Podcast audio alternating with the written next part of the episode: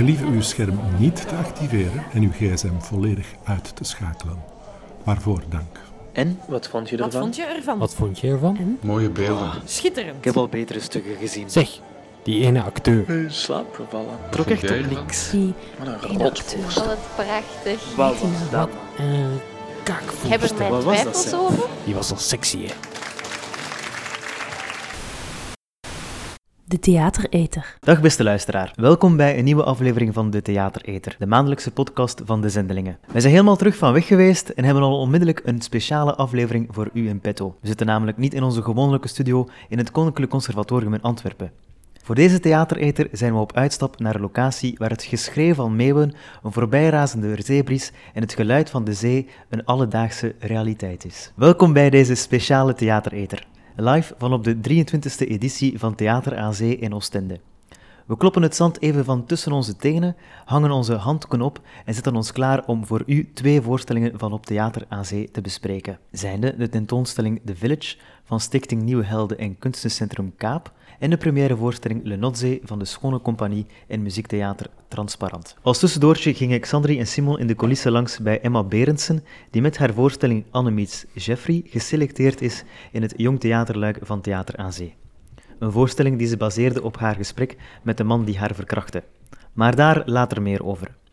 Mijn vaste panelleden zijn er ook weer bij. Ik stel ze graag nog even vlug aan u voor. Xandri van den Besselaar, een dramaturg theatermaker. Dag Matthias. Dag Xandri. Jonathan van der Horst, een theatermaker. Sorry, ik ben even een nootje aan het eten. Dat is oké. Simon Wellens, een filosoof. Ja, eh, ik was ook net een slokje koffie aan het nemen. We zitten hier trouwens echt in een prachtig pand, maar ik heb een, een, een koffiemok van Bob de Bouwer gekregen. Leuk zeg. Voel je je terug jong? Ja, ik, eh, vers- verschrikkelijk vind ik het.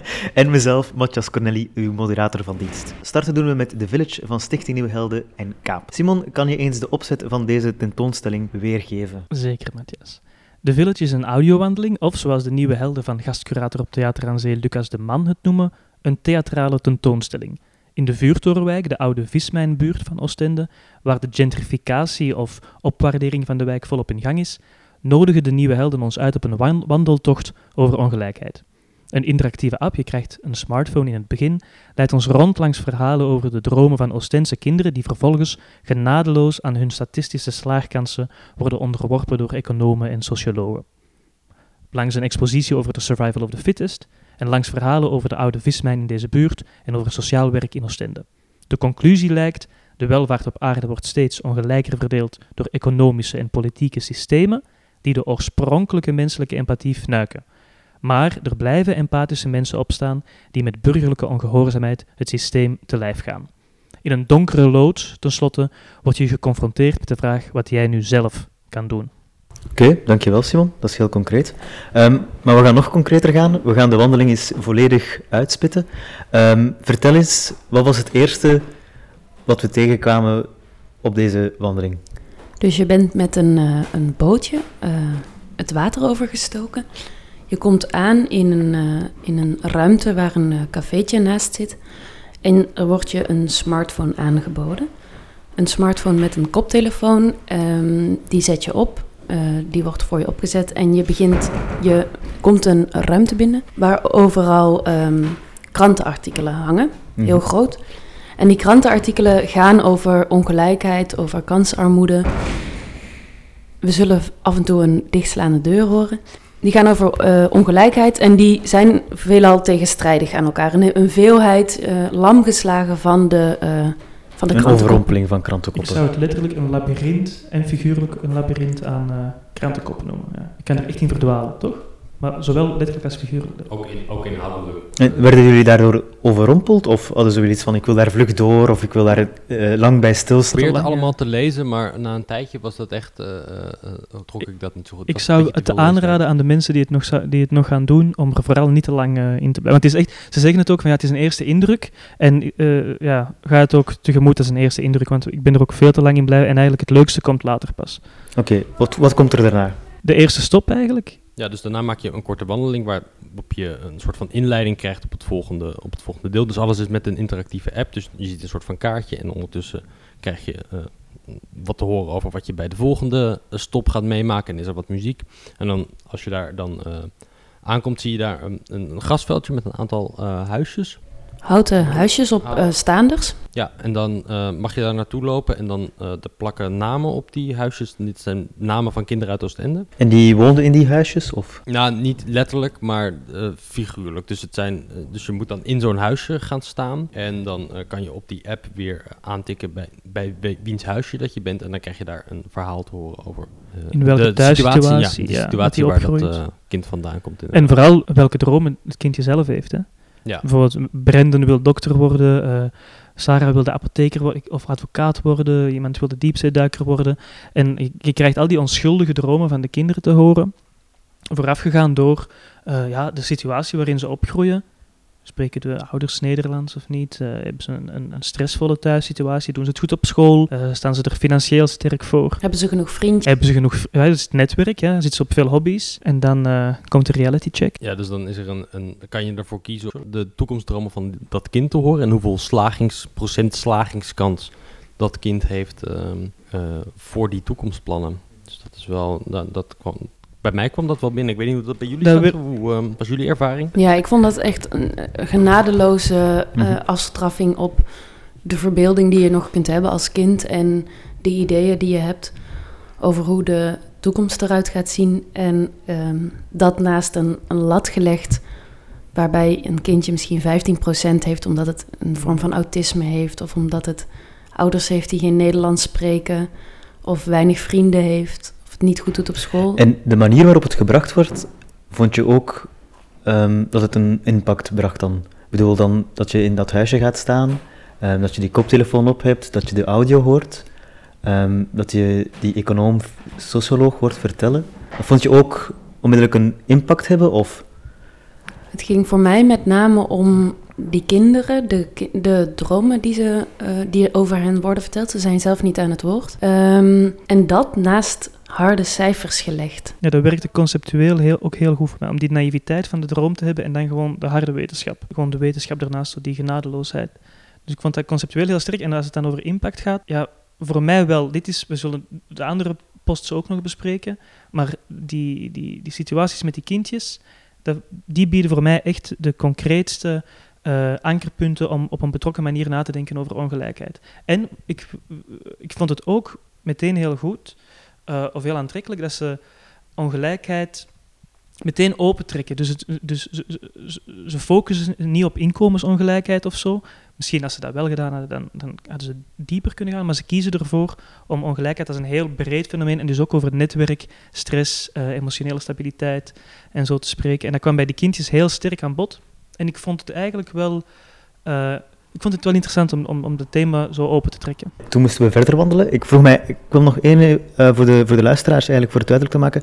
Ehm, wat voor plek is Oosteroever eigenlijk? Waar hebben we eigenlijk gewandeld in Oostende? Ja, dat is eigenlijk de oude vissersbuurt van Oostende. Ehm, de vismijn staat daar ook. eh, dus het ligt aan, aan, aan- in, in het havengebied eigenlijk.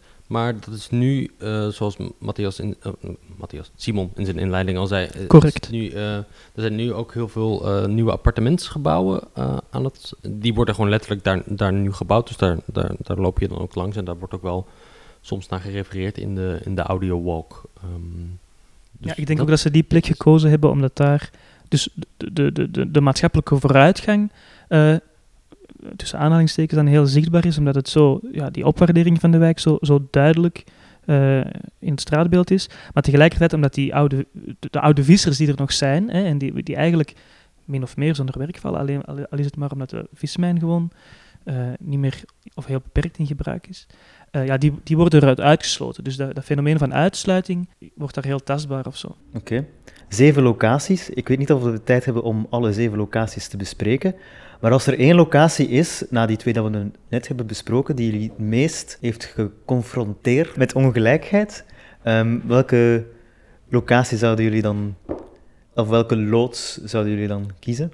Nou, eentje die mij nog wel, of die mij nog wel meer aan het denken zat, was, dat is niet echt een lood, maar dat waren een aantal bankjes aan de, aan de kade, waarin een aantal mensen, een aantal getuigenissen hoorde over mensen die eh, burgerlijk ongehoorzaam, ehm, of eh, burgerlijke ongehoorzaamheid in praktijk brengen. Dus een, een, een prodeo-advocaat, een, een, een straathoekwerker die eh, tegen tegen alle regeltjes en tegen alle wetten in toch ehm, proberen ook buiten die regeltjes te denken en gewoon te zien naar de situatie van eh, iemand die het moeilijk heeft op dat moment en gewoon te kijken van oké, wat zijn de problemen van, van, van die persoon en wat kunnen we, wat, wat kan ik er wel aan doen of zo. En ehm, dat vond ik wel een heel sterke, sterke getuigenis en die bij mezelf ook wel gesterkt om ehm, daar ook ehm, meer mee, om daar ook mee bezig te zijn of zo. Om dat, dat in je achterhoofd te houden. Ja, en misschien is het dan ook handig om even te vermelden dat ehm, burgerlijke ongehoorzaamheid, dat is nogal een sprong vanuit de ongelijkheid. Ehm, de aanname is een beetje dat die ongelijkheid die eh, de maatschappij nu kenmerkt, dat die in stand wordt gehouden door de verschillende structuren zoals ze nu bestaan. Ehm, en door niet aan die structuren te beantwoorden, eh, zo is de aanname, zou je die ongelijkheid tot op zekere hoogte kunnen opheffen. Ook omdat, omdat de nieuwe helden, ja, het optimisme van de nieuwe helden, ze gaan er echt vanuit dat niet de mens zelf die ongelijkheid stimuleert, maar dat het, dat het de systemen zijn. Dat de mens eigenlijk van nature of, of in oorsprong een empathisch wezen is ehm, die ja, tegen ongelijkheid eh, ten strijd zou trekken. En geven ze ook antwoorden op ongelijkheid? Dus die burgerlijke ongehoorzaamheid. Ik Mm. denk dat dat een, een van de antwoorden is die eh, Stichting Nieuwe Helden geeft. Maar dan daarna, als we, als we die verhalen op de bankjes hebben gehad, dan wandelen we verder naar nog een volgende loods. Dat is weer een, een ander soort formule. Je wordt, je wordt, eh, ofwel word je apart in de loods gezet, ofwel word je in groep eh, gezet en mag je naar het figuurtje dat daar met zijn app op vragen antwoordt, mag je kijken hoe dat die het doet in een hele donkere loods. Je ziet bijna niks. En Misschien is het goed om te zeggen dat wij allemaal apart zijn genomen. En je moet dus, laten we zeggen, als je apart wordt gezet, dan eh, ga je met je app een ruimte binnen die compleet donker is. En dan krijg je een aantal vragen, wordt er een aantal vragen. Eh, of je, je moet op een soort van cirkeltje gaan staan waar ik op staat. En dan moet je vanaf daar een aantal vragen gaan beantwoorden. En zo loop je eigenlijk een soort van route door die ruimte die aangegeven wordt met videoprojectie. Mhm. Dus je loopt eigenlijk over de video. De hele ruimte is eh ge, gevideomapt. Eh, en zo loop je eigenlijk over die videoprojectie ehm, heen en loop je een soort van eigen keuzeparcours, om het zo maar te zeggen. En de andere, de andere zeven mensen die staan daar dan naar te kijken. En die, eh, en, en, ja, dat is wel echt een gigantische spoiler nu, maar die route eh, die eindigt in, je moet, je moet een vraag antwoorden van ja, wat kan jij nu zelf doen? Of denk je dat je zelf iets kan doen? Ik weet niet wat jullie daarop geantwoord hadden, maar ik had natuurlijk pessimistisch en somber ingesteld als ik ben eh, gezegd dat ik het niet goed, goed wist. Ik denk dat de vraag was, kan je iets veranderen? Ja. Kan je iets veranderen? Of, of ben je in staat om, om er iets aan te veranderen? En dan ja, nee, en dan... Ja, mijn antwoord was uiteraard nee, we zijn gedoemd en het komt nooit meer goed met. Ehm, en op dat Pessimist. moment eh, was, was het antwoord, ja, eh, weet je het zeker? En dan vielen letterlijk alle mogelijke, als een politiek programma, eh, strijdpunten op een hoopje en die overspoelde je als een golf. En ja, dan werd het... daar, ik, ik denk, tenminste dat is als ik er, hoe ik er achteraf over nadenk, dat ze daar dan mee concreet wilden maken hoe, nu die burgerlijke hoe dat jij concreet met die burgerlijke ongehoorzaamheid kan omgaan. Wat, wat dat jij nu zelf kan doen. Ja, of dat je, dat je in ieder geval iets kan doen. Dat het niet, dat het, zelfs al denk je dat het onmogelijk is, of dat je tegen de klippen op aan het gaan bent, dat je nog steeds iets kan, kan bijdragen. Dus we zijn allemaal aangespoord eigenlijk om iets te doen aan ongelijkheid. Ja, dat weet ik dus niet zeker, want voor mij was het oké, maar het is ook zoveel. Het is letterlijk een golf die je overspoelt. Dus ik weet nu niet zo goed, ja, bestaat de impact er nu in dat ik een du- duidelijke programmapunten heb om, om voor te strijden? Maar wat is dan wat is de prioriteit van die programmapunten dan? Of is het net dat er zoveel werk is dat het mij helemaal overspoelt?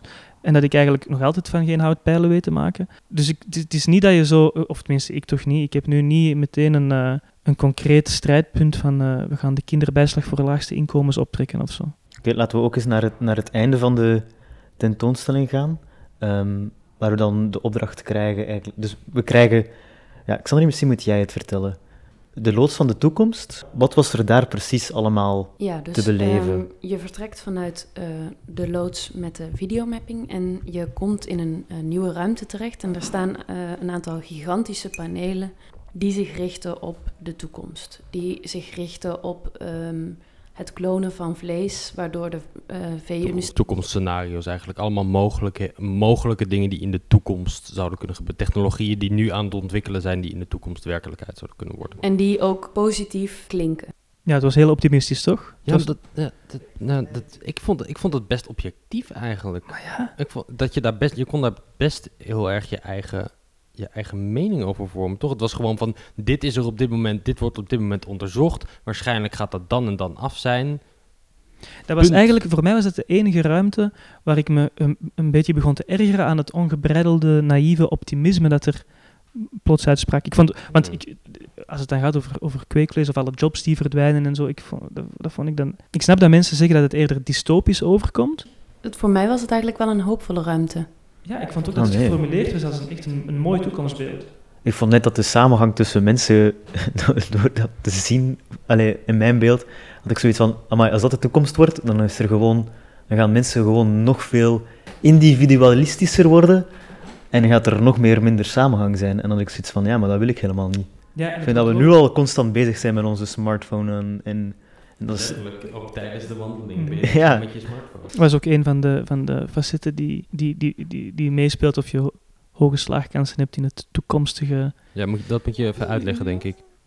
Ah ja, dus in het begin van de, van de wandeling moet je een aantal vragen beantwoorden. En op basis daarvan eh, berekenen ze dus in die allerlaatste loods wat, wat nu jouw eigen eh, kans op succes is. Zoals we bij die kindjes gehoord hebben in de nieuwe technologische eh, samenleving.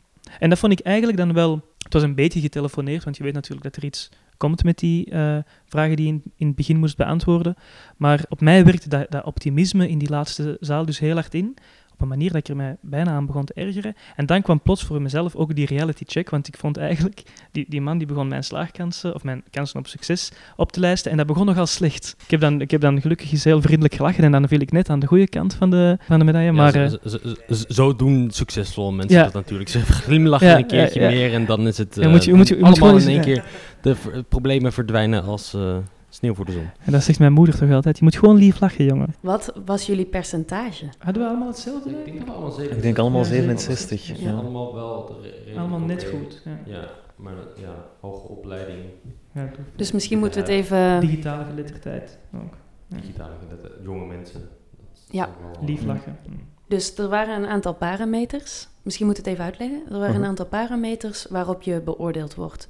Dus wat is je opleidingsniveau? Wat is, hoe is je gezondheid? Eh, kun je goed met deze app omgaan? Ik heb erbij trouwens. Ja, pak Ja. het erbij. Mijn eh slaagkansenberekening voor de toekomst. En ik vroeg dan ook, ja, wat voor toekomst?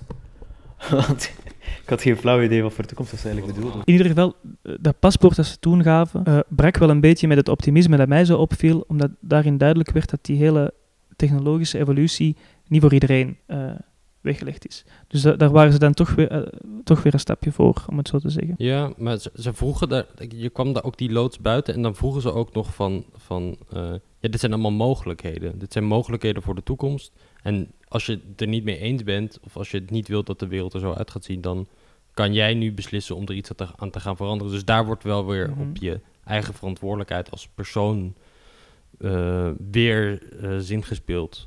Ik wil, wel nog, ik wil eigenlijk nog één eh, bedenking maken, zo op het einde. En dat is, ze focussen heel erg op wat die ongelijkheid doet met die onderste klasse die uitgesloten wordt, die mee, niet mee kan in dat hele technologische vooruitgang verhaal. Maar het is voor mij niet duidelijk eh, waarom ongelijke samenlevingen op zich nu een probleem zijn.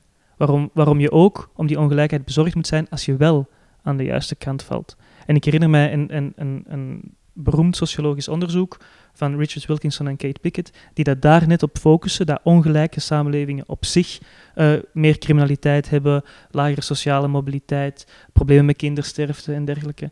En ik, ik- ja, ik blijf over met die, met die vraag na, na, na, na de- de wandeling van de village.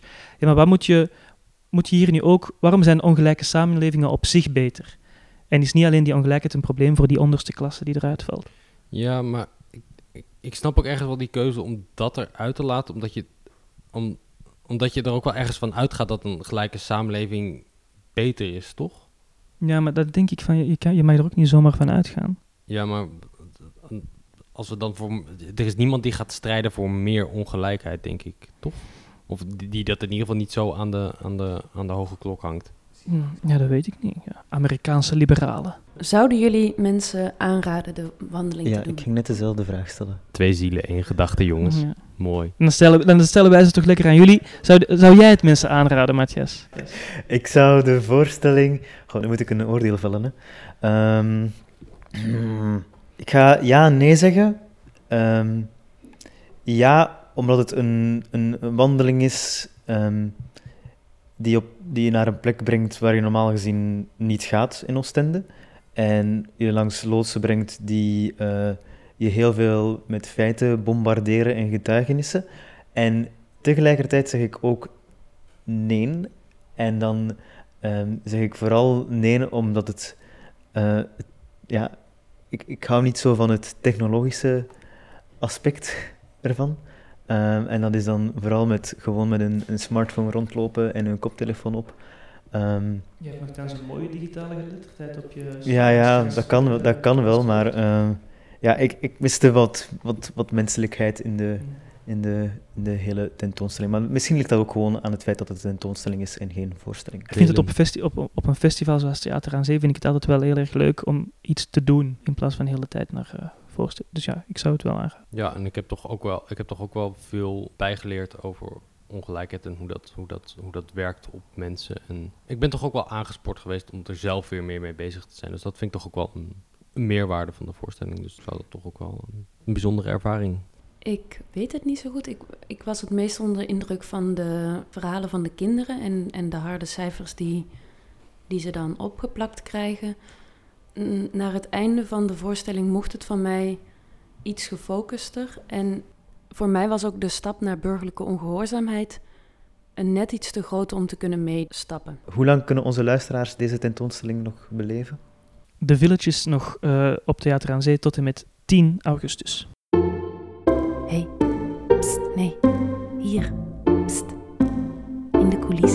Xandri en Simon, jullie zijn voor deze aflevering opnieuw in de coulissen gekropen. Wie hebben jullie daar ditmaal aangetroffen? Ja, we zijn eigenlijk niet in de coulissen gekropen, maar uh, op het podium. Mm-hmm. Wij hebben Emma Berendsen geïnterviewd over haar uh, voorstelling die speelt op Theater aan Zee, Anna Meets Jeffrey.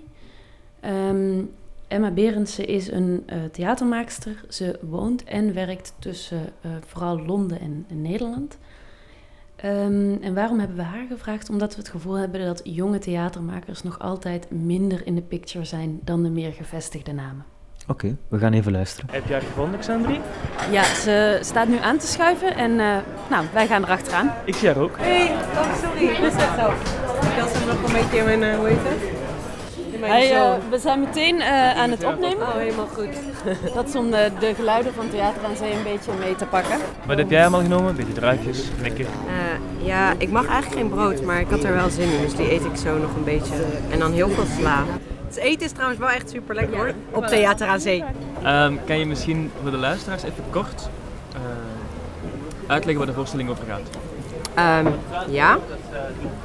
Kort is denk ik wel moeilijk. De aanleiding van de voorstelling is eigenlijk het gesprek wat ik heb gehad zeven jaar nadat ik verkracht ben met de dader van een verkrachting. Maar de voorstelling gaat verder ook over het onderzoek van hoe maak je daar een voorstelling over. En ik heb ervoor gekozen om daarmee uh, met iemand samen te werken. Dus er zijn twee mensen on stage. Dus het is niet alleen ik, maar ook mijn medespeelster. Om eigenlijk te kijken van hoe werk je met verschillende perspectieven. Dus hoe kunnen we zijn verhaal vertellen? Hoe kunnen we mijn verhaal vertellen? Hoe komen die verhalen samen? Dus eigenlijk is het best wel een soort van research op het, op het podium. Dus je gaat eigenlijk mee ook in ons onderzoek waar geen antwoorden per se in zijn. En er is niet echt een conclusie. De conclusie is eigenlijk het gesprek wat ik met hem heb. Wat ook geen conclusie is. En wanneer hebben jullie dan besloten om, om, het zo, om, het zo, om het zo dicht op op je persoonlijke verhaal te, te houden? Ik denk dat het eigenlijk misschien anderhalf jaar geleden een beetje gebeurd. We hadden een residentie.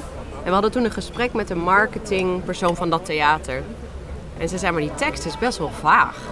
Als in, waar gaat het eigenlijk over? Want het ging dan over meeting your whatever. Het ging over victim en een perpetrator, maar helemaal niet over mij. En zij zei, want ze was komen kijken en alles. Ze zei, maar het gaat over jou. Dus waarom vertel je dat niet gewoon? En ik denk dat we, ja, dat het nodig was dat het persoonlijk uiteindelijk wel kwam. Want, want het bleef een soort van een abstractie van iets wat ik eigenlijk wel wilde vertellen, maar eigenlijk niet durfde te vertellen. En ik denk dat dat ook heel fijn is geweest dat eigenlijk Tiffany de meeste dingen van mij is verteld. Waardoor ik dat zelf toch alsnog niet hoef te doen, maar jullie het wel weten. Je hoort me wel op de recording heel veel dingen vertellen, maar dat was eigenlijk in mijn bed heb ik me dat gewoon met z'n tweeën hebben een studiootje gebouwd waarin ik alles vertelde.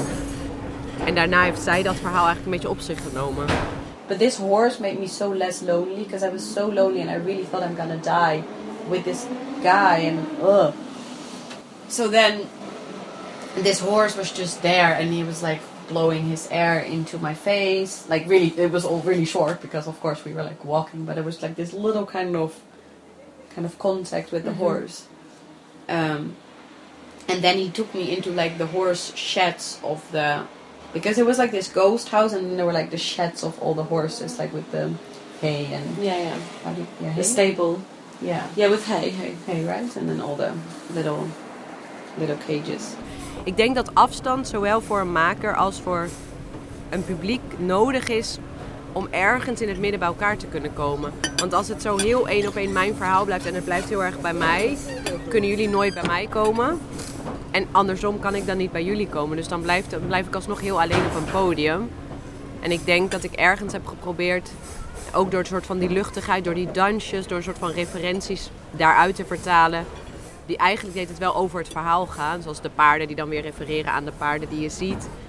Maar dat het dan in een hele andere vorm komt, wat eigenlijk best leuk is om naar te kijken. Van die paarden moet je misschien even uitleggen. die van de paarden. Ja, ik zal het uitleggen. Ehm, op een gegeven moment ehm, heb ik een, een, een stukje recording en dat gaat over een paard wat ik die nacht was tegengekomen. En dat was eigenlijk de enige, ik zeg altijd de enige persoon, maar het was geen persoon. De enige, het enige levende wezen wat ik die nacht naast die jongen heb gezien. Eh, en ik ben toen op een gegeven moment jaren daarna teruggegaan. Ik heb die hele route gefietst die hij me heeft meegenomen. En toen ben ik dus op zoek gegaan of ik dat paard kon vinden. En op een gegeven moment stond ik bij een wei en kwam er dus een paard meteen naar me toe. En dat heb ik allemaal gefilmd en dat zit dus ook in de voorstelling. Ehm, en daarna waren we op zoek naar een soort van poppy vertaling daarvoor. En hebben we twee roze paardjes gekocht, van die hobbelpaardjes. Die eigenlijk een soort van ook seksualiteit symboliseren en ook een soort van speelsheid. Maar ergens ook terug refereren weer naar die paarden. Take me dancing at the disco.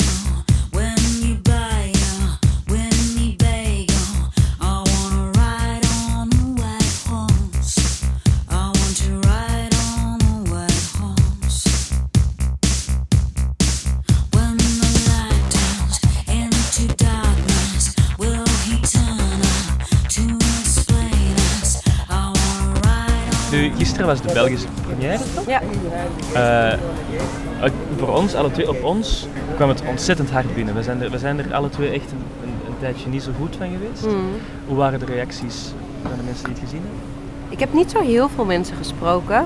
Ik heb wel veel berichtjes nog gekregen. Dus ik denk dat het... En ook pas vandaag, eigenlijk vanochtend pas. En die waren veelal positief. Wel ook van stil, het heeft me geraakt. Het zat zo goed in elkaar. Je hebt er zo over nagedacht. Het- dus zeg maar qua reacties heb ik veel positieve reacties wel gehad. Maar wel nu pas. Pas de dag daarna. We hebben in Londen een keer gespeeld. En dat was dan ook, waren best wel veel... ehm, mensen van een, een organisatie die werken met seksueel, oh heet dat? Slachtoffers van seksueel geweld. En, en dat waren dus helemaal geen theatermensen. En ik was best wel benieuwd hoe dat dan zou zijn, omdat het een best ingewikkeld... Het is niet een voorstelling, het is niet ik speel een verhaaltje, het is best ingewikkeld. En dus ik dacht, shit, misschien begrijpen ze al die dingen helemaal niet, omdat het zo vaag is. Maar die waren juist heel blij, want ze zeiden, wow, het was zo... Dat het zo associatief was wat eigenlijk hun gevoel ook heel vaak was. Want het is helemaal niet rechtlijnig. Of een trauma is niet rechtlijnig. Dat gaat ook door fases. En, en ik, ik denk ook wel dat ik heel erg moet benadrukken dat het heel erg één verhaal is. En het is een heel... Ik noem het soms wel het cliché-verhaal. Het is heel erg het verhaal van je gaat uit, je fiets naar huis... en je wordt van iemand door de fiets, van de fiets getrokken. Wat in percentu- percentuele gegevens echt de, de minste kans is om zo verkracht te worden. Er is helemaal, dat is helemaal niet de grootste risicofactor. Ehm, maar er zijn wel elementen, en ik denk dat dat kan heel erg raken. Er zijn heel veel elementen, die zeg maar de losse puzzelstukjes, waarin mensen zich wel heel kunnen herkennen. Zijn er dingen die je, waarvan je besloot of merkte, dit kan of wil ik niet gebruiken? Nou ja, ik heb wel zoveel mogelijk details weggelaten. Eigenlijk behalve wat je ook in het nieuws kan vinden als je het gaat googlen, het verhaal. Meer dan dat weet je niet echt, behalve wat ik tegen Tiffany vertel. En ik vind dat ook niet vind dat ook niet interessant voor een verhaal. Ik, ik denk Niet dat voor er. het publiek of nee, niet voor jou? Niet voor ons allebei niet. Nee, ik denk dat dat voor ons allemaal helemaal niet leuk was geweest. Ik denk dat ik de voorstelling dan na één dag al niet meer wilde spelen. En jullie al nooit meer wilden komen kijken. En het is ook goed, je hebt daar tijd over laten gaan, wat waarschijnlijk nodig was. En dan heb je er eigenlijk vier jaar aan gewerkt. Maar vier jaar aan misschien wel een van de allernaarste ervaringen die je hebt meegemaakt. Doet dat ook met jou als persoon? Ja, dat is wel. Het is wel gek of zo dat ik zo. Nou ja, ik kan, ik kan wel zeggen wat heel ingewikkeld is, is dat ik pas door die voorstelling met mensen erover ben gaan praten. Omdat mijn zus heeft mij in. Even denken, ik zit echt met mijn mond vol. In november heb ik het in Amsterdam gespeeld. En mijn zus heeft toen dat nagesprek ge- gemodereerd. Want zij, dat doet zij ook als beroep. En ik dacht, als ik dan iemand wil, dan wil ik haar. En dat was ergens heel pijnlijk, omdat ze toen zei, waar het hele publiek bij was. Ik krijg er dus nu voor betaald om met mijn zusje in gesprek te gaan over dit onderwerp, waar we het nooit echt over gehad hebben. Waak je ervoor? Of, of ehm, let je erop of zo? De impact die je maakt bij het publiek? Ja, ja. Ik, ik voel wel dat het hier, zo gisteren dacht ik opeens, ah ja, shit. We hebben het eigenlijk best wel altijd met een nagesprek gedaan. Waardoor je eigenlijk ook een soort van publiek de ruimte geeft om hun dingen te delen of te luisteren of een achtergrond te krijgen. En ik merkte gisteren opeens hoe gek het was als een publiek dan gewoon daarna weer weggaat. Zo van, nou, tabé, klaar. Dus ik zat er wel mee een beetje in mijn maag dat ik dacht, ah ja, misschien is het een voorstelling die eigenlijk niet zonder een nagesprek kan. Ik zat er nog wel over te denken dat, ik, dat het dan misschien op Theater aan Zee niet anders gaat zijn. Maar dat ik misschien moet zoeken naar wel een vorm van... Er zit altijd een kwartier nagesprek bij of zoiets. Omdat ik merkte dat we als we het in Londen of Amsterdam deden... dat het gewoon... Ja, dat mensen, ook al zeiden ze niks... maar dat het even een momentje was van... we mogen even nog hier blijven zitten of zo. We hoeven nog niet weg. Dus ik zat ook te denken...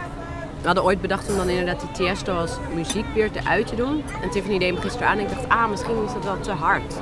Dus ik dacht, misschien ga ik wel even zeggen dat we vanavond gewoon, dat het stil is en dat mensen gewoon in, de ruimte mogen blijven. Won't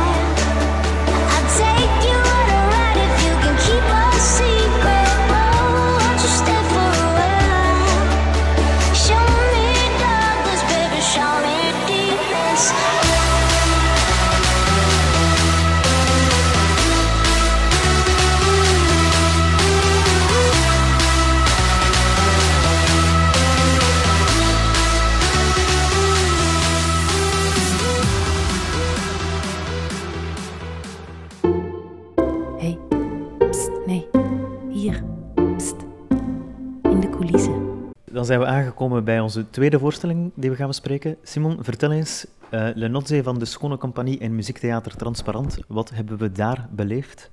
Ja, Le Nozze is gebaseerd op eh, de opera van Mozart, Le No- Nozze di eh, Figaro.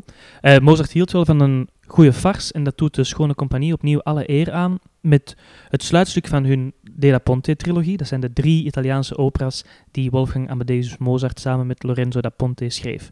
Na Don Giovanni, Così fan tutte eh, en Così fan tutte, sorry, bewerken ze nu in hun ondertussen bekende mengeling van theater en opera, van klassieke prachtige zang en valse ongeschoolde zang, Le Nozze di Figaro, Figaro's bruiloft. Het verhaal over de graaf en de gravin die verstrikt raken in een poging om met listen en de medeplichtigheid van hun diensters hun huwelijk nieuw leven in te blazen, grote regisseur Tom Goossens in een nieuwe spitsvondige en hedendaagse vertaling. De focus ligt, zo mogelijk nog meer dan bij Mozart, op het koppel. Hier een veel ouder koppel dan in Mozarts versie, wat de situatie van het misgelopen huwelijk des te schrijnender en pijnlijker maakt. Wat vonden jullie van de combinatie van opera en theater? Hebben jullie dat al eerder meegemaakt? Ik ken het, ik, ik zelf, ja, ik, ik, zelf ken het uiveren van, de, de, ik heb Così fan tutte ook gezien, Don Giovanni niet, Eh, of Don, Don Juan niet. Eh, maar ik, ja, ik ben ondertussen wel al een beetje vertrouwd met hun taal, zeg maar. Ik ben ook gigantisch bevooroordeeld, want een hele goede vriendin van mij is daar de dramaturg, Lalina Godard. Ai, ai, ai, ja, dus ik heb... Ja, ja, dus ik Dus heb- jij vond het ja. sowieso goed? Ai, ai, ai. Ik vond het geweldig. Ik vond het echt ik vond het prachtig gewoon. Applaus. Staande ovatie. Nee, maar ik zeg het er maar even bij voor de luisteraars. Dat is toch integer van mij? Super integer. Ja. Maar zo, zo kennen we je als de Mhm. super integere jongen. Ja. het is, ja, het is, het is, het is heel flitsend theater. Hè? Het is heel eh, eh, muzikaal, ehm, eh, op de grap gespeeld, eh, fysiek, ehm, humoristisch. eh. wat, ze wel, wat ze wel doen is, eh, want mensen denken bij opera misschien aan supergrote decors en dat soort dingen. Ze eh, brengen het wel terug naar een soort van kamerversie. Dus de acteurs spelen allemaal meerdere rollen en de... ehm, eh, eigenlijk zijn er maar twee, of nee, drie muzikanten op. Een zangeres, een pianist en een, ehm, een Saxofonist. saxofonist Mhm. deze keer. Ja. Saxofina. Saxofina, ja precies. Dat was, dan ook meteen de naam van haar personage. En het is een soort van, eh, ja, en, en wat, wat, wat, er ook wel nieuw aan is in de opera is dat ze ook constant de, de, de, de vierde wand doorbreken. En constant grapjes maken over, over de situatie waar dat ze eigenlijk in staan. En over opera en over hoe Hoe gek dat dat allemaal En het is trouwens ook wel echt, dat moeten we er misschien ook wel bij zetten. Eh, eh, want het enige stuk dat, ik- dat ik dus niet gezien heb, Don Juan, was echt nog, hield echt nog het midden tussen eh, afwisselend theater, afwisselend muziek. Leek een beetje op muziektheater, maar dit is echt als een opera opgebouwd. Dus er wordt ook heel veel van de tekst, zoals in een opera, gezongen. Soms heel vals, maar wel, eh, het heeft wel de flow van een opera, om het zo te zeggen. Zo Wie, vond- het wie vond je vals? Maar dat is toch, dat is toch, dat is toch eh, expres. Ik vond het niet- Ja, niet- de acteurs, maar er is, er is maar één mooie. de- Niet de sop- super fa- Nee, het is geen, het is geen opera, opera als inderdaad echt zo die, die gedragen stemmen. Maar ik vond wel dat die ritmisch en, en dat die wel redelijk juist zongen. Ja, ja, het was- het Maar was dat is met mijn beperkte muziekkennis, hè, jongens. eh. Ja, misschien is het goed om te zeggen dat, je, dat er dus een sopraan is die zingt eh, eh, Mhm, arias. zoals ik me voorstel, zoals in de opera zou zijn. Eh, en de acteurs zingen weliswaar, maar spreken ook vaak op een ritmische manier in de partituur zoals die bestaat. Ehm, en dat vind ik wel, moet ik zeggen, spreekt me altijd nog wel enorm aan. Omdat het een bepaalde poetry slam lijkt te worden op een gegeven moment. Een groot nadeel is dat het weinig verstaanbaar was. lag ook aan de locatie, denk ik. Die Ja, verstaanbaar. de, de, inderdaad, die akoestiek lag aan de, aan, de, aan de locatie. Het was in een nogal grote zaal en de techniek zat niet helemaal... We zaten ook helemaal achter in de zaal, dus dat eh, helpt ook niet, eh, helpt En niet tot mee. overmaat van ramp. Nee, maar bon, was eigenlijk wel, ik vond het eigenlijk wel mooi. Op het einde viel het, viel het licht helemaal uit. En moesten Ja. ze in het donkere eh, het laatste koor Ja, zingen. ze, hebben- ze hebben, maar, ze, ze speelden ook gewoon door, dus ik dacht dat het, dat het erbij hoorde. Hadden jullie dat niet? Ja. ja, waar ging de voorstelling eigenlijk over? Ik had het wel, een, in, in grote lijnen had ik het wel door, maar de, de details zijn mij wel eh, niet bijgebleven. Simon, jij had je ingelezen in... Ja, en ik denk omdat zij... Dus het, gaat over dat verhaal van het koppel. Hè. Het is eigenlijk een, een, een, een, huwelijk dat in een, sch- in een schrijnende positie is beland. Eh, alle, alle frivoliteit, alle passie is eruit. En ehm, ze ondernemen eigenlijk een poging, eh, zeker toch van de gravin uit, om het huwelijk nieuw leven in te blazen. Om eigenlijk, zij onderneemt een paar listen om de graaf jaloers te maken. Want hij laat nogal eens zijn oogje vallen op de eh, jonge dienaresse van het huis. Is eigenlijk een, Een echt handje, ja, hier en daar. Echt een vuile MeToo. Misschien nog ja. meer dan een, dan een handje. Het- Zeker meer dan een handje, maar Mozart, allee, de- eh, Mozart zelf is niet de meest subtiele. eh, of, of heeft wel een plat gevoel voor humor, zal ik het zo zeggen. En daar, daar spelen ze ook gewoon mee. Dus het, eh, ja, het is ve- veel meer dan een handje. Maar zij ondernemen een poging om hun huwelijk dus nieuw leven in te blazen. Misschien is het ook goed om te zeggen dat de opera zich, eh, de hele opera speelt zich op één dag af, namelijk de dag waarop eh, Figaro gaat trouwen met ehm, een Figaro is een ehm, knecht van de graaf en hij gaat trouwen met de kleedster van de gravin. En, dan gaan de gravin, graaf en gravin gaan zich eh, verkleden. Maar in de oorspronkelijke opera is er een hele wirwar van verhaallijnen en zij focussen echt op het koppel. Dus als je dan vraagt, waar gaat het over? Ehm, ik denk, ook omdat ik weet hoe dat regisseur Tom Goossens eh, gepakt is door opera en daar echt eh, ook in zijn persoonlijke leven mee bezig is. Het gaat echt om, voor hem denk ik, om de vraag eh, wat als een relatie zo in het slop zit. En je wordt geconfronteerd met dat bedrog en met die eh, jaloezie, maar ook een, een drang om de ander jaloers te maken en zo. Dat is volgens mij voor hem waar het om gaat. Ja, ja ik moet, die, die, die focus miste ik wel beetje hoor. Ik had, want ik had eigenlijk, vond het eigenlijk nog steeds de, focus, de focus op, op dat koppel. Want ik vond het eigenlijk nog steeds 3000 plotlijntjes door elkaar. En, maar en ik ook, wat ik ik moet eigenlijk eerlijk zeggen dat ik ook inhoudelijk niet zoveel, niet zoveel uit heb gehaald. Of dat ik ook niet zo, niet zo goed wist wat ze er nou... Wat, wat wilden ze nou eigenlijk vertellen met deze voorstelling? Of wat was nou eigenlijk de... Vond je dat bij de andere twee voorstellingen wel?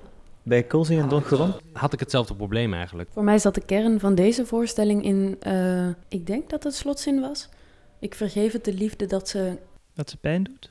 ja nee, knelt wil ik zeggen, Ja. maar dat is niet helemaal waar geloof ik. Maar het was zoiets, ja. Ik parafraseer.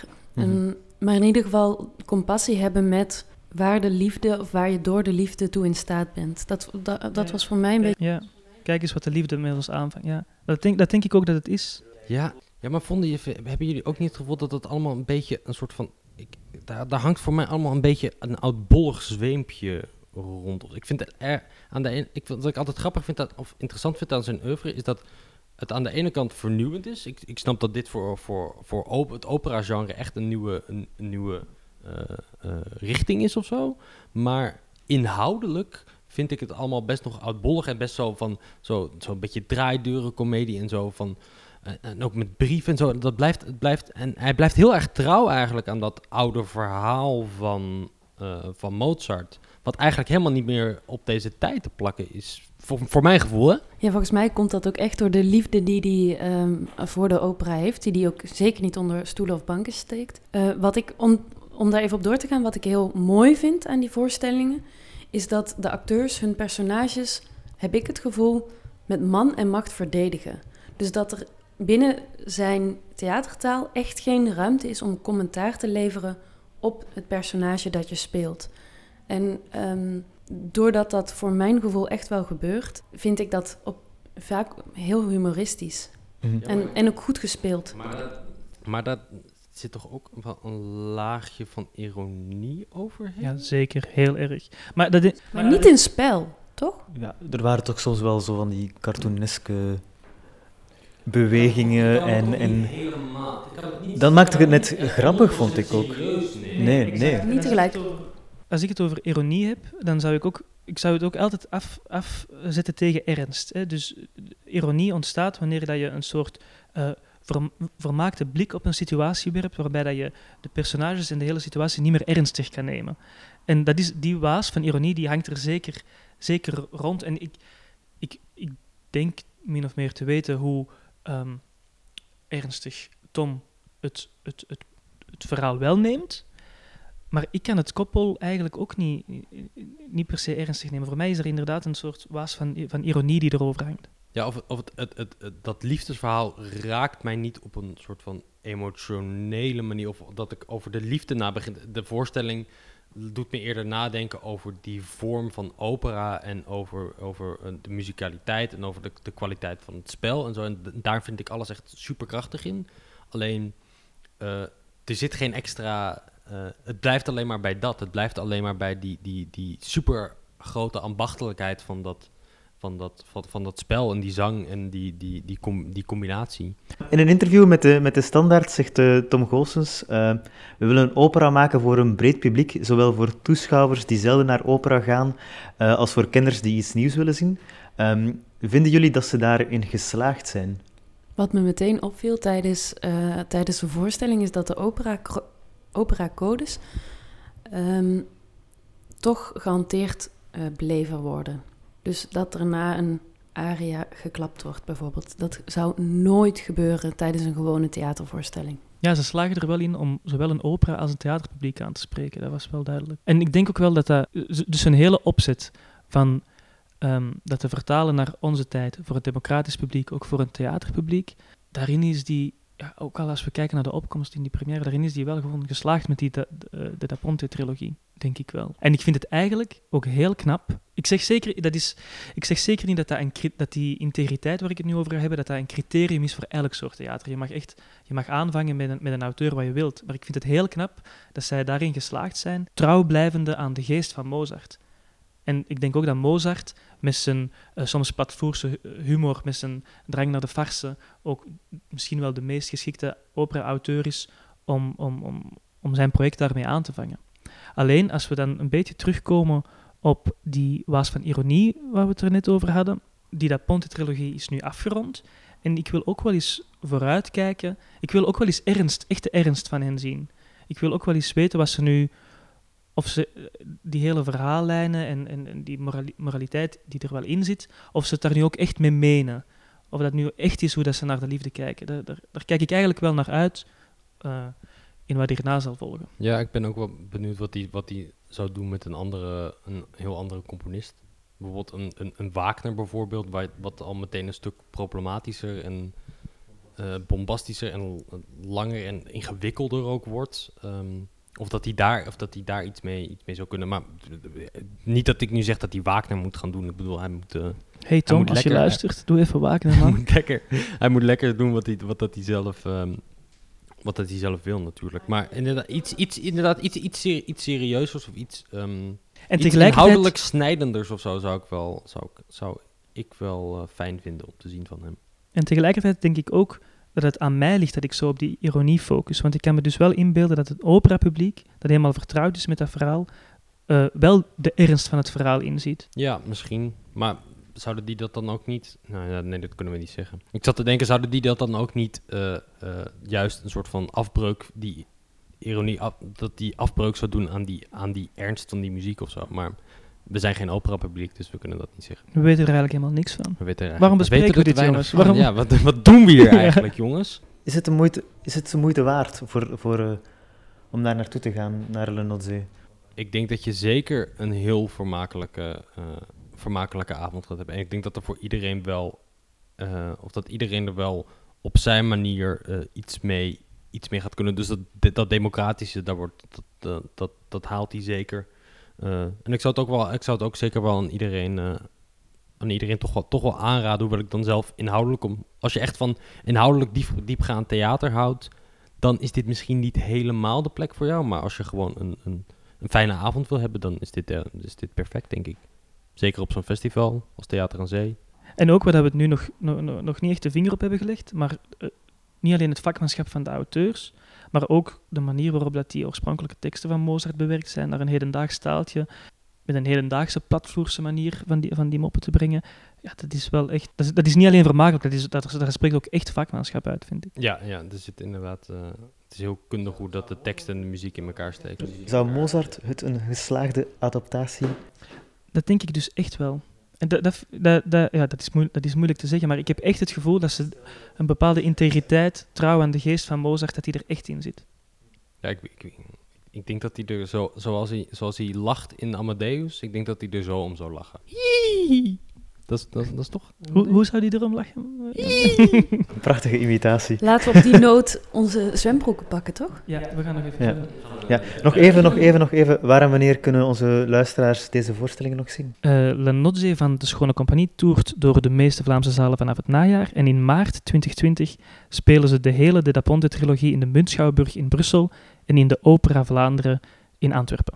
Mag ik nog een, eh, een weetje over Mozart meegeven op het eind? Op het einde van zijn leven ontdekt Mozart, die ervoor helemaal nog niks daarvan wist, de eh fugas van Bach. En hij begint voor het eerst in zijn leven zoals Bach te componeren. En hij wordt er helemaal gek van, want hij bereikt natuurlijk niet het, het, niveau van Bach in de fu- fugas. En hij vindt er niet beter op om dan maar teksten de- onder die fugas te gaan schrijven. Lik me reet, vuile eh, Dus echt de platvloersheid van Mozart. Goed, ehm, er is er mij nog enkel de taak om de mensen ehm, zonder wie deze podcast niet tot stand had kunnen komen eh, te bedanken nat- natuurlijk. Ehm, bedankt Amber Maas en familie voor deze prachtige locatie. Ehm, bedankt aan mijn panelleden Xandri, Jonathan en Simon. Dankjewel, Matthias.